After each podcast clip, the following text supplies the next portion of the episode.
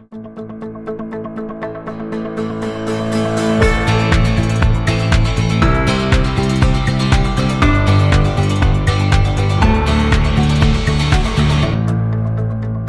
til Sirkuler, en podkast fra AFA Norge om sirkulærøkonomi og resirkulerte råvarer. Mitt navn er Nancy Strand. Temaet i dag er digitalisering, og gjestene er Torbjørn Evjen fra Remit IKS og Henning Martinsen fra Trondheim renholdsverk.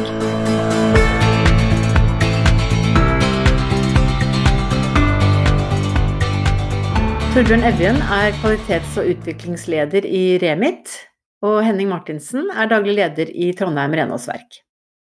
Velkommen til dere, Henning og Torbjørn. Takk, Nancy. Takk, takk. Du, veldig, veldig hyggelig å ha dere her, og jeg tror vi først må bli litt eh, kjent med dere. Henning, du hadde vært, eh, du hadde vært i jobben i et halvt års tid, eh, godt og vel, før, før koronapandemien inntraff.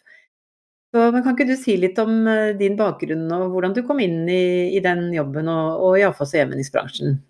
Ja, det skal jeg gjøre, vet du. Det er jo sånn at jeg starta i renholdsverket, som vi kaller det, litt utpå høsten i 2019. Eh, og da kom jeg fra Tine, eh, meieriprodusenten der, og hadde vært der i 15 år.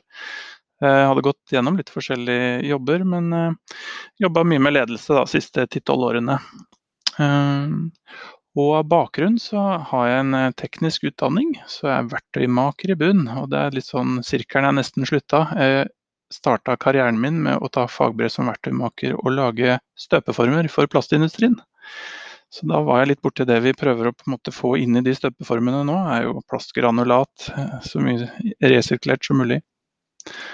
Og så etter hvert så gikk jeg videre på litt forskjellige skoler og tok litt elektromekanikk. Eh, innom vanlig eh, høyskole innen økonomi og administrasjon, og havna inn i Tine til slutt på, på ledersida der, da. Så jeg har vært meierisjef i ti år i strekk på to forskjellige meierier i, i, i Norge.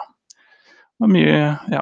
og det siste var mye logistikk og, og en del rundt dette, som eh, også da matcha ganske greit jobben i renholdsverket. Så da ble jeg rekruttert inn der.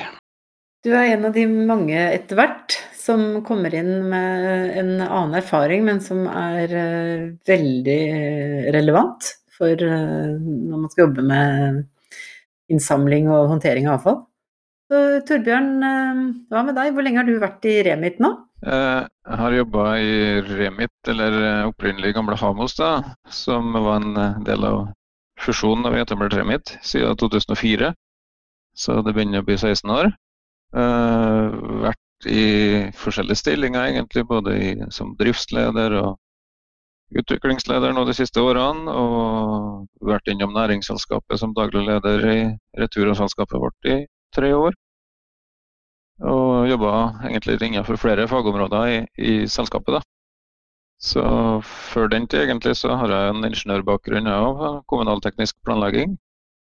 Så Jeg husker jo på 90-tallet da vi på Ingeniørskolen lærte oss om planlegging av optimal plassering av avfallsfyllinger. Det var det var det, det renovasjonstekniske faget handla om. Heldigvis har bransjen kommet lenger i dag. Uh, så ja. har jeg noe påbygning på geografisk IT, GIS-systemet GIS fra Gjøvik. Så reisa mi gikk i første jobben i Bergen, i Asplan Viak IT rådgivende ingeniørfirma som mange kjenner. IT-avdelinga var ca. 30 ansatte som lager programvare for kommunalteknisk sektor. Oppmåling, terrengmodellering, vann- og avløpssystemer.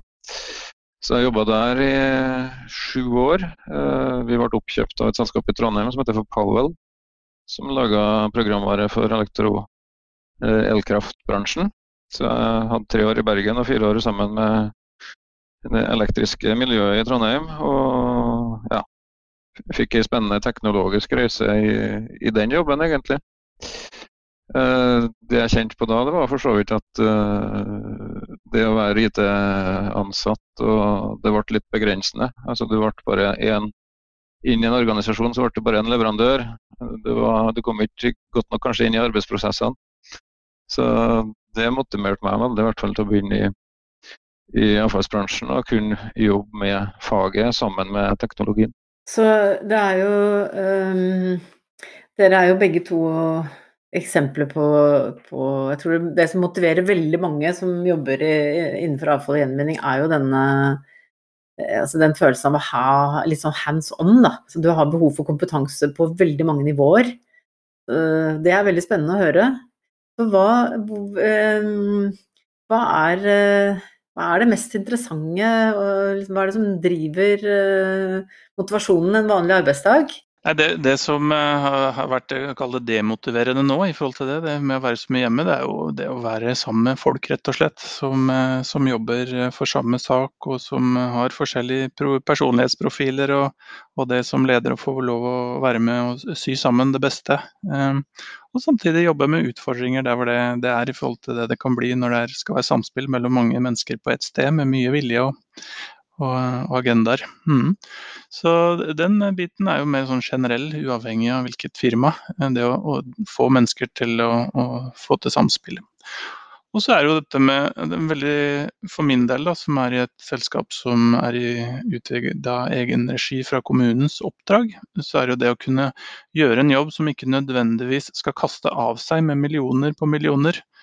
At eh, formålet er å gjøre det effektivt og få til gode kundeopplevelser, men ikke nødvendigvis å tjene mest mulig penger. Eh, det har vært litt spennende inn i firmaet her, eh, for da kan man holde fokus på en helt annen måte. Ok, vi må kutte kostnader, vi må være kundevennlige, vi må ta den digitale reisen. Men det har en litt annen motivasjon inn i det, kanskje, i hvert fall per nå, enn det som kanskje en tradisjonell bedrift i det åpne lendet har. da. Men så prater vi veldig mye hos oss om, eh, om det med å strekke opp måla inn i en fremtid hvor det er mer konkurranseutsatt enn i dag. Og hva må vi gjøre for å være relevante da. Og da er jo det digitale som vi skal snakke om her i dag, eh, midt i, i den målskiva. Hva sier du Torbjørn, hva er, det, hva er en god arbeidsdag for deg? Hva som tikker i meg, eh, jeg er veldig motivert og inspirert av eh, samfunnsoppdraget vårt.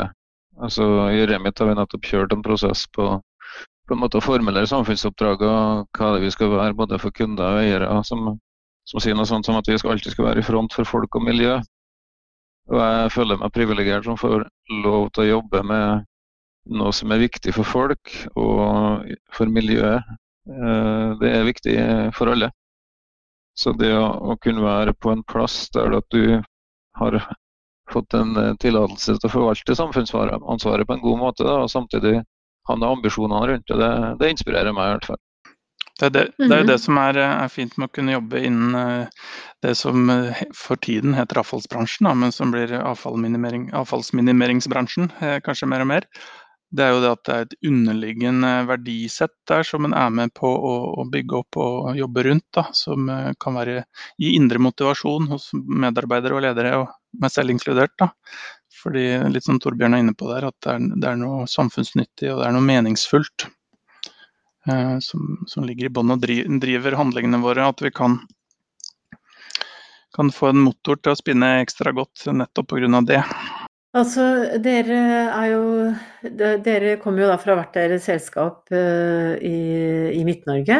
Og det er jo en region som var uh, tidlig ute med å etablere et uh, samarbeid, ikke bare på tvers av kommuner, men på tvers av alle selskapene og, som ble hetende Se sammen. Um, og det igjen har nå ført dere inn i et eh, ganske stort arbeide som handler om digitalisering. Så kan ikke dere si litt om, eh, om bakgrunnen uh, og hvordan dere har satt i gang det, det store prosjektet Reit? Ja, jeg kan prøve å si kort litt om det. Da jeg begynte i bransjen her i 2004, så så jeg òg Jeg var imponert av samarbeidskulturen som allerede da eksisterte i, i Trøndelag. Åpenheten IKS-ene imellom, eh, erfaringsdelinga. Eh, veldig positivt. Eh, den måten på en måte avfallsbransjen har blitt organisert med IKS, eh, og måten IKS-ene og de større har samarbeid, kontra det jeg var vant til fra vann- og avløpssektoren f.eks., der det var egentlig litt sånn hver kommune hadde vært sitt uh, system og på en måte mye mindre grad av samhandling. Uh, litt se sammen, SESAM som vi kaller det. SESAM står jo egentlig for Sentral ertersorteringsanlegg i Midt-Norge. Uh, som var et initiativ litt etter modellen fra Roaf, kanskje. Og hvordan møte fremtiden med ettersortering av restavfall. Det arbeidet kom godt i gang. God forankring i alle selskapene i Midt-Norge. Og som en spin-off av det, egentlig, så kom det i gang en prosess som vi kaller for Se sammen. Det å lage en felles avfallsstrategi for Midt-Norge som gjør det enkelt for kunden å på en måte ha gjenkjennbarhet i både tjenester og produkter som vi leverer. Vi må gjøre det lett for kunden å forstå om en kommer fra Trondheim eller Orkanger eller i Namdalen. Eh, det må, det må bety det samme. Så det er på en måte fundamentet i Se sammen og Se sam. Og Reit-samarbeidet er jo et produkt eller et samarbeid som er utvikla innenfor samme kontekst. Der vi åpenbart har sett at teknologi og digitalisering er viktige støttefunksjoner eller virkemiddel for å, å realisere denne felles avfallsstrategien. Så konkret så var det vel egentlig fem selskap eh, som står bak Reit i dag, som gikk sammen og var enige om at vi, vi må løfte i lag også på det her med digitalisering. Og opprinnelig bestilling som jeg husker, det var egentlig at nå trenger vi en ny kundeapp, vi trenger en ny min sideløsning. Og så fikk vi samla en liten arbeidsgruppe som egentlig samla seg rundt der at det her må vi løse i lag. Vi står sterkere sammen enn, enn hver for oss. Så det, det, er på en måte starten. Og så fikk vi et uh, eh, samla gruppa og søkt støtte til, til arbeidet med den etableringa til fylkeskommunen. Fikk uh, midler ifra, ifra, dem, fra næringsfondene der. Og så etablerte vi en felles uh, prosess med en uh, strategi for digitalisering. Da. For vi erkjente at det er lurt å ta et lite skritt tilbake og bygge et felles fundament i bunnen før vi iverksetter alle, alle mulige utviklingsprosjekter. Så det vi, har vi realisert, det er vi ferdig med. Vi har en felles, felles plattform i bunnen og jobber nå med på en måte delprosjektene på toppen da, for å ta realiseringsfasen. Men eh, Henning, hvordan, eh, hvordan, eh, hvordan, så dette ut når du kom inn i, i Trondheim Renseverk? Hva, hva, hva, hva, har vært dine tanker? Nei, eh, eh, Det er jo litt tilbake til det med se sammen, da, og det Torbjørn nevner med at han ble litt overraska når han begynte i bransjen. Det er nettopp det at det ikke har vært drevet sånn kjempemye av konkurranse om markedet, som gjør at det også kan få til samarbeidet. At det ikke har vært noen trusler om at den gir bort forretningshemmeligheten sin, eller noen stjeler forretningsmodellen. Eh, så det er jo veldig fint å drive samarbeidsplattformen videre. Og da var det jo kommet dit at det var vel midt oppi at en prøvde å organisere arbeidet rundt eh, Reit og søke om midler og sånn jeg kom inn der. Og spennende prosjekt. Eh, spennende prosjekt. Og litt i lys av gamlejobben, så, så, så er i hvert fall mine tanker om at skal vi, skal vi, være aktuelle for kunden, om det er i eller utenfor monopol, hvis den skal være så hard eh, med orda, så, så, må den være aktuell. Eh, og hvordan være aktuell? Jo, eh, vi må komme tett på kunden. Og det, da, det, kjenner vi jo i vår hverdag gjennom alle mulige apper og systemer som vi etter hvert har blitt eh, vevd inn i, vil jeg si. Eh, så får man en tilknytning gjennom nesten et eh, kjærlighetsforhold, at man liker det, eller at man eh, føler seg såpass oppbindet at det er tungvint å bytte. Så håper jeg at vi kan utvikle systemer som er i første kategorien. Da. Men at det ene er å beholde kundene når det åpnes opp og blir konkurranse. At vi forstår hva de trenger og kan respondere kjapt på det. Det andre er at vi også, også kan gi tilbakemelding til kundene som er avfallsbesittere, da, for å nå måla våre. Det er noe helt uh, crazy mål som kommer nå, med 70% her og der og 65 litt nedi gata der på inn av materialer i nye produkter. Og da er vi, jo, er vi, jo, der at det må vi gjøre sammen med våre abonnenter og våre kunder, og hva det nå skal være i framtida, navnet på det. Og da er det det å ha én-til-én-kobling.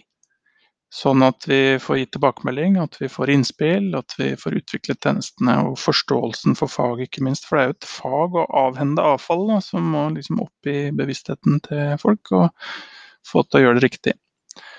Eh, så Det er jo en, del av det, kundeperspektivet. Men så er det også det som vi har jobba litt med, som ja, både jeg og Torbjørn har ivra litt og fått med enda tydeligere inn i strategidokumentene. Det er jo det hva skal digitalisering være for medarbeiderne. I en omskiftelig tid da, hvor rammevilkår og konkurranse og sånn blir litt sånn eh, Det er litt vanskelig å vite framover hva det blir til slutt. Så er vi nødt til å ha fleksible organisasjoner, og da må alle øyne og ører være på. Eh, og hvordan få tak i den eh, infoen fra ansatte, hvordan de opplever omverdenen? Jo, gjennom digitale samhandlingsplattformer. Hvordan få på en måte involvert godt i tjeneste- og produktutvikling? Jo, litt samme, bruke digital plattform. Og så er det den realtime tilbakemelding, da, både fra eh, operatørene ute i felten, men også andre veien. Eh, å være kobla på, på der ute da, gjennom digitale teknologier og sensorer og hva det nå skulle være. Så jeg var betrygga når jeg kom inn og så at vi var i gang med det, men samtidig litt overraska over hvor, måte, hvor lite som var kommet langt. da. Men det er jo kanskje fint da, at vi gjorde det som Torbjørn sa der, og tok et skritt tilbake og prøvde å se litt helhet. At det ikke var drevet av bare behovet for en app eller sånn her og der, men at en da legger en helhetlig plan bak det. Som forankres mm. i noe mer langsiktige behov og trender og, og muligheter. Mm. Ja. Ja. altså jeg, jeg, jeg, Det er jo litt fristende å spørre, da. At, uh, liksom, hvor den, den, er, Jeg opplever at det er en viss spenning mellom å si at vi trenger en ny løsning her. Om det er på en måte en min side-type tilnærming, eller ja, nå må sjåførene ha et bedre verktøy, eller altså frist, Hvor fristende er det da å gå løs på den ene uh, Utvikle ene, den ene løsningen, kontra den veien det tross alt er å, å få med hele organisasjonen fra styre og ledelse til den enkelte ansatte. Det, det, er jo som et demokrati, egentlig. Du, du må tåle den farta, da. Eller hva sier du, Torbjørn? Jo, jeg, støtter på en måte det. Og, og det som er viktig, sånn, det er da du litt må samle deg rundt en retning og en strategi. da. Sant? Å ha noen klar retning det skal gå i, sånn at det er kjent for både ansatte og, og kunder. Og litt tilbake til den Henning som altså vi må være relevant for kunden. Eh, vi må i større grad Vi er helt avhengig av å ha kunden med på laget for å kunne klare å realisere de målene som vi, vi er eksponert for, og oppnå de materialhandlingsgradene. Og vi må i mye større grad involvere kunden på den reisen. det er kanskje tradisjonen har vært i bransjen i dag. Eh, og rigge oss sånn gjennom f.eks. å bruke teknologi til det. Eh, hvilken rolle skal renovatøren på bilen ha som kan bidra til å løfte den kunnskapen med tanke på avfallsinnsamlinga, eller hvordan kan vi bruke han som et virkemiddel, engasjere han som et virkemiddel i den prosessen f.eks. Det, er en, det er en prosess vi kjører i vårt transportselskap nå. Han er førsteleddet som kan dokumentere avfallskvaliteten. Vi må tenke oss, vi må involvere han. Hvordan kan han ta i bruk teknologi på bilen f.eks. Jeg husker jeg var på YFAT-messa i det er sikkert seks eller åtte år siden, så snakka jeg med en liten, på en liten stand der så sto det en lite firma fra Israel.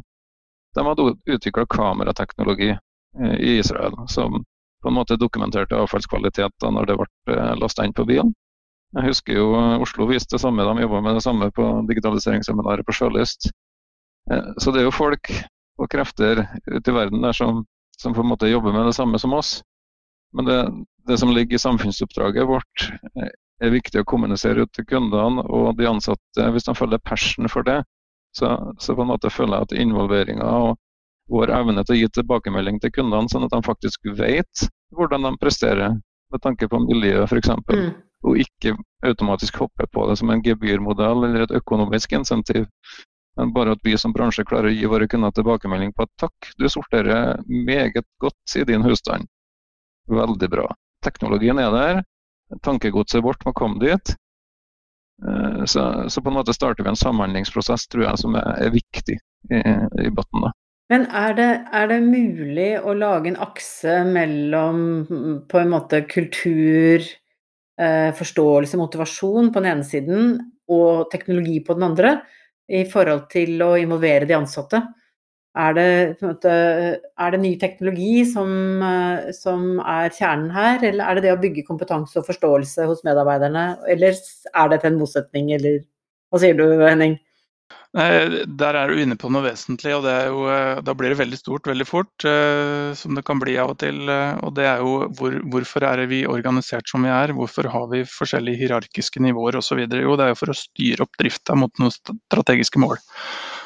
Og så når det kommer inn på det med å gjøre bedriften til hver enkelt ansatt sin bedrift og hver enkelt ansatt sine mål, så er det jo akkurat eh, midt i blinken med digitalisering. For da kan vi viske ut de hierarkiske nivåene. Vi kan la operatøren bli direktør i sin egen hverdag, for den har realtime informasjon.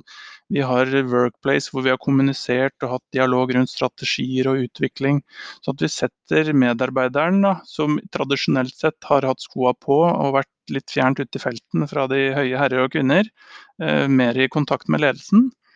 Eh, og vice versa. Da. At ledelsen også gjennom mer realtime eh, kobling både i forhold til dialog, men også se litt hva som rører seg ute, få føle mer på kroppen hva er avvikene og utfordringene, kan rette opp strategier og styring av bedriften i en retning som er mer medarbeidervennlig. Da.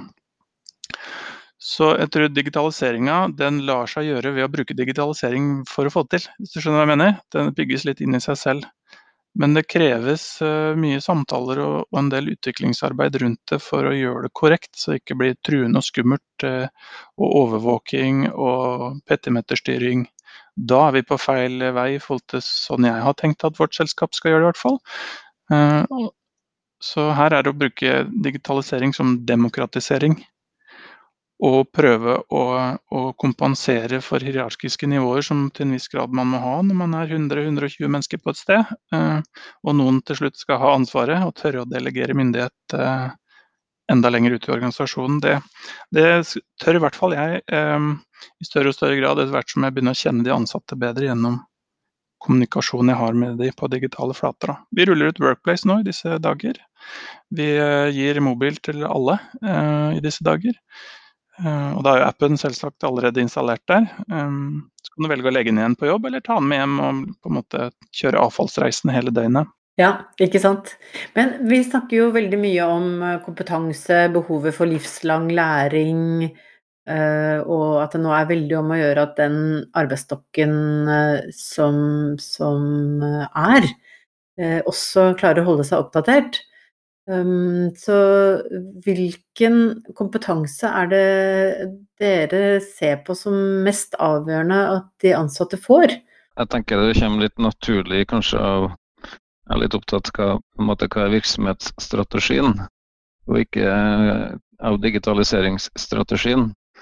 Men at uh, digitaliseringa kommer som en del av det å løse uh, oppdraget eller målene i virksomhetsstrategien det her med sånn som Når jeg ser på bransjen, så er vi kanskje en bransje full av ingeniører. Eh, kanskje eh, tenke gjennom hvor viktig for oss det er å på en måte få med kundene på laget da, og realisere kompetanse som gjør at vi klarer å dra veksler på det. Uh, Atferd f.eks. Det er altså på en måte spe på organisasjonene med, med sånn, sånn, type kompetanse som er viktig for å realisere de målene, uh, heller enn å bare snakke om teknologi uh, ved alle anledninger, for teknologien er der, han er tilgjengelig.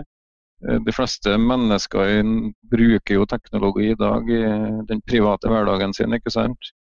Så jeg er opptatt av at den ikke på en måte skal være skremmende, men at de heller kan se hvordan de kan utnytte den da, for å realisere, realisere virksomhetens mål da, og løse samfunnsoppdraget. Ja, Henning, hva tenker du? Jeg tror vi, Hvis vi gjør det dette på riktig måte, så blir det ikke skremmende, det blir nyttig.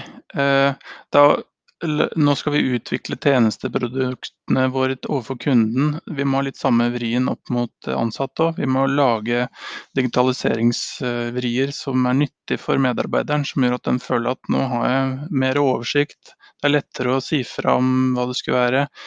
Eh, kanskje kan teknologier som gjør at det fysisk blir lettere å gjøre arbeidet mindre bortkasta tid. Så det at vi da ganske tidlig kan bruke en ny arbeidsform, eller nyere type arbeidsform, da, som er eh, prosjekter som eh, mockups, som er et sånn fint begrep, hvordan du liksom kan bare få noen gode eksempler ganske fort opp og gå uten å investere 12 millioner i et megasvært uh, datagreie.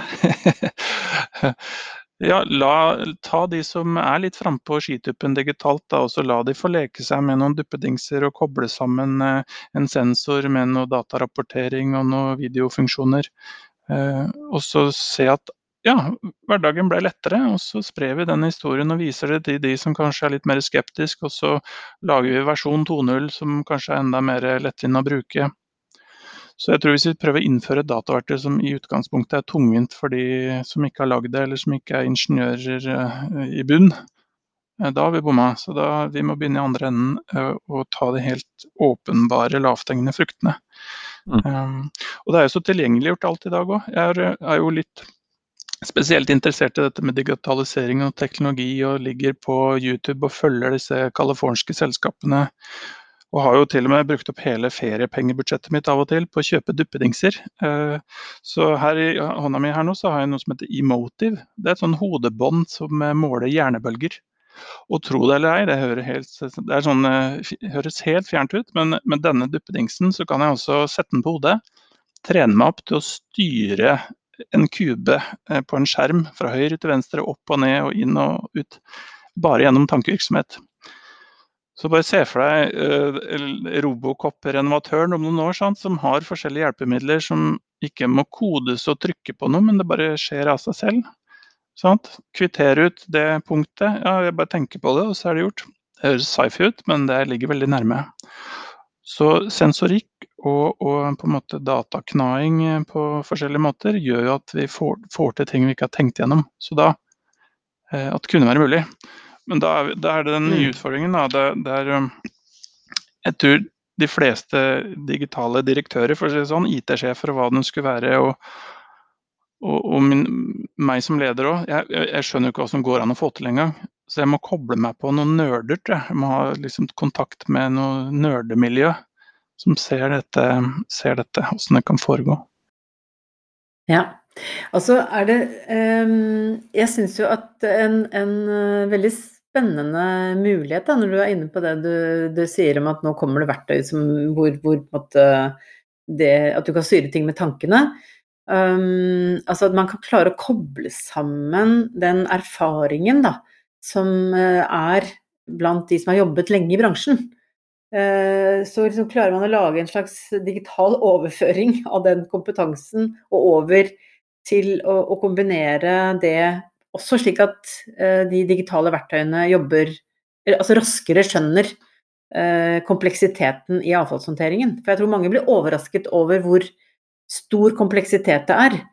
Um, så, så, her har vi jo en spennende reise foran oss, da. Hvis vi hadde klart å hente ut de tankene og få dem inn i, i uh, kunstig intelligens og maskinlæringssystemer som, som på en måte mangfoldiggjør de eh, lange erfaringene da, som mange har. Jeg, tror du er inne på noe sentralt der som også er en av de største, største skumleste fallgrubbene. Og det er, det er, hvis det blir skummelt. Hvis det blir litt sånn eh, du er redd for datamaskina. Nå stjeler den eh, sjelen min. Og da er det litt hvordan kan vi få det tradisjonelle håndverket eh, og stoltheten som jeg ser mange av våre medarbeidere har knytta til å gjøre en god jobb eh, med det de kan i dag, hvordan kan vi supplere det og gjøre det enda styrke, styrke det håndverket? Eh, uten å på en måte skremme de med at nå er ditt håndverk gått ut på dato. Nei, det er mer relevant enn noen gang. For det er liksom de fine detaljene i hverdagen vi trenger å, å spre det gode budskapet til alle. Eh, å lære på tvers eh, av håndverk og på tvers av medarbeidere. Medarbeiderne, de eh, kan man jo tenke seg er motivert, spesielt når de blir møtt med denne type holdninger. Men hva, hva, med kundene? Er de like motivert for å være med på denne reisen, eller er det vi som, som bransje som, som, må være mer motivert for å ta med oss kunden? Hmm. Det var litt sånn som altså, Torbjørn var inne på det, at uh, det, det, er uh, Jeg har hørt en del rare utsagn når når det gjelder uh, hvem kunden er. Så, så mm. dette med kundereise det er ikke alle som er helt fortrolige med, med, hva det vil si, og hvordan vi nå ved hjelp av nye mm. verktøy kanskje på en helt annen måte kan samhandle med med, med kundene våre. Da. Bjørn, du var jo litt inne på det egentlig, du, i forhold til det du følte når du begynte å jobbe i bransjen. Og jeg nevnte også kanskje litt det med den underliggende verdien som ligger i å løse samfunnsutfordringen avfall fra avfall til ressurs. Ja. Så jeg tenker hvis vi, hvis vi får til å, å, koble på kunden mer som forstår egen avfallsatferd, som vi kan kalle det, mm. og hva bidraget er, så jeg vil jo bli overraska hvis ikke de føler på noe av den samme indre motivasjonen til å mestre avfall. Eh, hva tenker du Torbjørn? Absolutt. og det bare det startpunktet og erkjennelsen som vi som selskap må gjøre, tenker jeg at hvor viktig er kunden for oss for å og på en måte måle av de målene som er formulert. Jeg var med i en sånn digital modenhetskartlegging i regi Digital Norway. og da skulle vi på en måte, Jeg forventer at vi skulle snakke om teknologi og teknologiske muligheter. Og, og egentlig utfallet av det kurset var at vi skulle formulere ei, ei avisforside om hvorfor hadde vi lyktes. Og det handler jo egentlig om, ikke om digitalisering, men det handler om kundereiser. Og eh, Deloppgaven som jeg fikk der, det var å intervjue lederen i Pensjonistforeninga lokalt. Og så en, en, eh, grønn politiker. Det var, det var, en veldig interessant øvelse i forhold til å på en måte få refleksjon da, rundt, eh, rundt kundereiser. Og hvor viktig er ikke den at, at vi setter kunden i fokus. Vi må få dem i større grad med på laget. Når vi ringte Pensjonistforeninga og spurte om hvordan opplevde han informasjon fra Remit og sin avfallsleverandør, avfallsleverandøren, så siden det at det i 97 da ordninga trådte i kraft, så fikk vi jo en brosjyre, så han var godt fornøyd. det, det, var sånn veldig sånn til ettertanke at uh, vi har en jobb å gjøre da, med, med å engasjere og involvere kundene og få dem inspirert og motivert til å bidra. Uh, for å realisere de her målene. For uh, i konteksten av det samfunnsansvaret vi har, så skal vi, vi er nødt til å ha dem med på reisa. Og Der tror jeg det går an å finne mye motivasjon òg iblant de ansatte. Jeg tror veldig mange som jobber i avfallsbransjen er trigga på samfunnsoppdraget vårt. Og derigjennom uh, sette kunden i, i, fokus. og ja, så nei, det, Jeg tror det her er god samhandling for å, å oppnå de målene uh, som er satt for oss. Dere har jo vært gjennom eh, flere parallelle prosesser her eh, i dette arbeidet, og dere er jo i gang. Dette pågår jo nå. Men eh, hva, hvilket, eh, hvilke råd er det dere kan gi til eh, andre i bransjen som kanskje um, ikke har kommet så langt i, med å, å jobbe med digitalisering konkret? Ja, det, Torbjørn har vært med lengst i forhold til holdt på å si, det praktiske rundt og hvordan få det i stand. Men jeg har jo en litt sånn storeslem, da, og det er jo som jeg, eh, jeg, tar meg selv i å si kanskje for mye, men som jeg tror jeg, tror jeg har trua på og vel, er velbegrunna. Det er at hvis du ikke velger å gå digitalt og utvikle forretningsmodellen din til å handle om noe som kan støttes av data, så blir du irrelevant på ganske kort tid mellom sju til ti år, så tror jeg at da har det kommet noen andre og snappa opp den forretningsmuligheten, og så gir de betalt til kunden for det som, eh, som de henter. Og så, da hjelper det ikke å ha gode, store, tunge nedstrømmer som kanskje kan gå i null eller litt i pluss. Da bommer vi. Vi må tett på kunden, og vi må tilby tjenester som de er villige til å velge hvis de står fritt. Da snakker jeg ikke om at de skal velge, det er ikke kommunen som velger hvem de gir anbudet til. Det er full fristilling. Det er kunden som velger om en vil ha den eller den leverandøren eller tjenesteyteren. Er du ikke med på digital reisen fram mot å få til det, så blir du irrelevant, og så blir du kanskje en aktør på marginmarkedet på nedstrøm. Eller lastebilkjøringa. Så blir du heller, tror jeg, ikke en relevant eh, aktør for alle de flotte ungdommene som skal ut og søke seg jobb. Som òg har eh, det her samfunnsoppdraget godt i, i panna og er opptatt av framtida. Da jeg spurte sjuåringen min hva han syntes om vindmøller, så svarte han at uh, de er ikke så fine, men vi må jo ha det sånn. For han hadde lært seg at grønn energi det er viktig for framtida. Altså, det var mye til ertetanke, det, de, de ordene han brukte, han skjøringen. For, eh, og det, det, på en måte gjelder vår bransje òg. Vi må sørge for å trekke til oss Eh, de medarbeiderne, som, eller de unge, som eh, har et engasjement og et passion for å realisere disse målene. Og Hvis vi ikke har ambisjoner i forhold til både digitalisering og kundereiser, da, så får vi ikke tak i dem. Og Det er kanskje vår bransjes største, en av de største utfordringene, tenker jeg.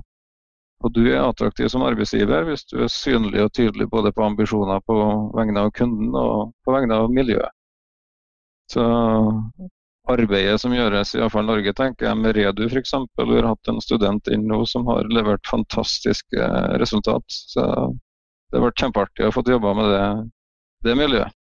Det er kanskje det beste rådet. Gjør deg attraktiv for fremtidens arbeidstakere. Digitalisering muliggjør samarbeid på en annen måte òg. Hvis en i tillegg kan samarbeide om digitaliseringa, så får en jo noen store driftsfordeler. Får mer brainpower inn i prosjektet til å finne de gode løsningene. Eh, og utfordre det etablerte.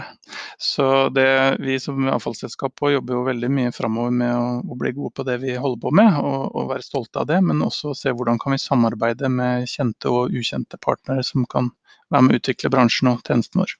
Veldig, veldig fint. Jeg liker det så utrolig godt når vi kan avslutte med å ha, snakke både om alle de unge som fosser inn i bransjen, og eh, aller siste ord om samarbeid. Det er kanskje den viktigste faktoren for å, å faktisk lykkes med dette. Så tusen takk til eh, dere begge to, Torbjørn Evjen og Henning Martinsen. Tusen takk til eh, alle dere som har hørt på i dag. Og takk til vår produsent Håkon Bratland. Så ta gjerne kontakt med oss. Send en mail til sirkuler.afonorge.no, og mer informasjon finner du på nettsidene våre. Tusen takk for i dag.